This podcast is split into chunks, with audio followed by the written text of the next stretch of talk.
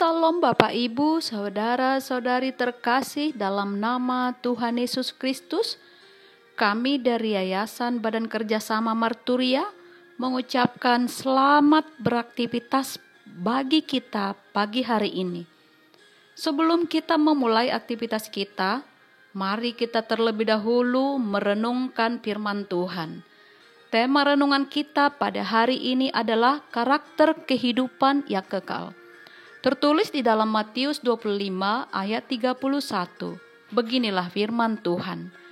Apabila anak manusia datang dalam kemuliaannya dan semua malaikat bersama-sama dengan dia, maka ia akan bersemayam di atas tahta kemuliaannya.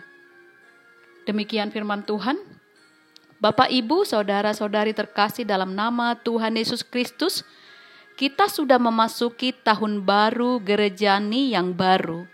Marilah kita merenungkan hidup iman kita selama satu tahun kalender gerejawi yang telah kita jalani.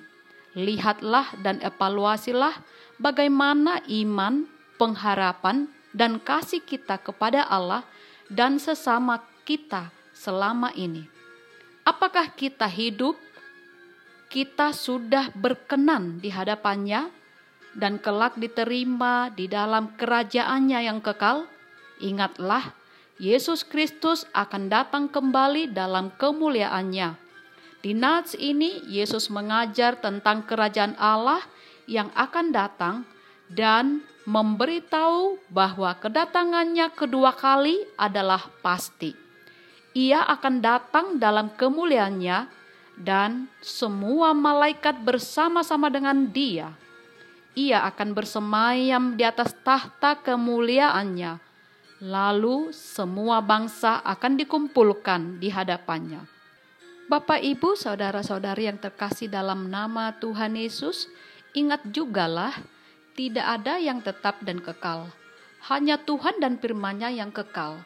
Dia bertahta dari masa ke masa tahtanya kekal selama-lamanya, dan orang yang percaya kepada Tuhan Yesus akan bersama-sama dengan Dia di kehidupan kekal itu.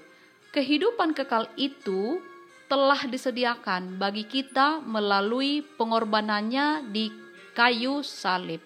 Bapak, Ibu, saudara-saudari terkasih dalam nama Tuhan Yesus Kristus, untuk menerima kehidupan kekal itu, kita harus memiliki iman yang menyelamatkan, yaitu iman yang menerima Tuhan Yesus sebagai Tuhan dan Juru Selamat kita. Dan iman ini harus nampak dalam perilaku yang berkarakter Tuhan Yesus. Itulah karakter hidup kekal. Milikilah karakter kehidupan yang kekal agar kita menerima kehidupan yang kekal itu.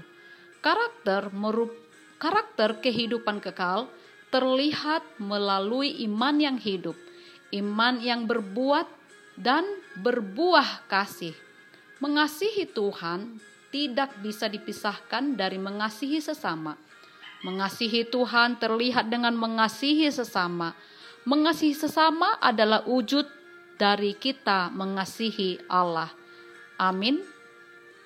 Marilah kita berdoa.